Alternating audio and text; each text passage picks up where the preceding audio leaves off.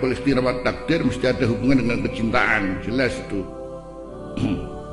Seorang alim nah, kemudian nah, karena kealimannya kemudian ada hubungan dengan kita mencintainya sebagai seorang alim al-amil. Sayyid wal Habib juga demikian karena kita dituntut hubbu ahlil bait. Gitu.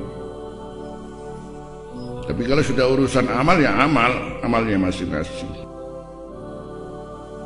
ya, kemudian selanjutnya dalam al-ikhtiram wa takdir yakni sekian ada banyak hal yang itu disebut sebagai al-ikhtiram wa takdir bisa jadi secara syarak seperti apa atau bahkan juga mungkin tidak mesti harus ada satu ketentuan syarak. Ternyata karena ada kaidah al-ada muhakkamah didasari dengan wa'mur bil urfi ini al-urf yani al-adah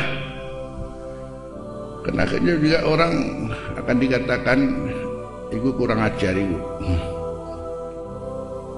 karo wong tua kaya ngono ya. Karo guru kok kaya ngono. Itu kan kadang-kadang standarnya juga standar al-ada standar al-ada nanti kita akan dicap kan diduga orang diadab.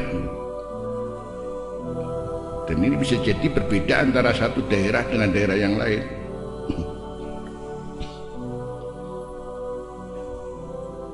Ada di satu daerah katakan hormat kiai nyoplok sandal ya. ada yang nggak usah nyoplok sandal. Ada yang wah soan itu kemudian kalau kalau udah pulang mundur-mundur ya ono sing ora. Tinggal antum tahu kalau di sini pakai mundur ya mundur oh ini mundur.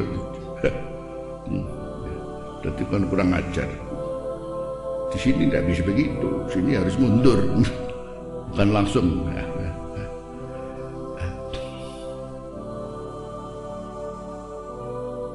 jadi begitu sangat luasnya ya ini namanya al-ikhtiram takdir ini jadi kita juga harus tetap perhatikan kebiasaan-kebiasaan yang ada di satu masyarakat. Supaya kita tidak dikatakan kurang ajar. Begitu katakan kurang ajar siapa pun akan dikatakan orang nggak punya adab. Walaupun dia kiai pun akhirnya dianggap karena tidak memperhatikan kebiasaan yang terjadi dianggap juga kurang ajar.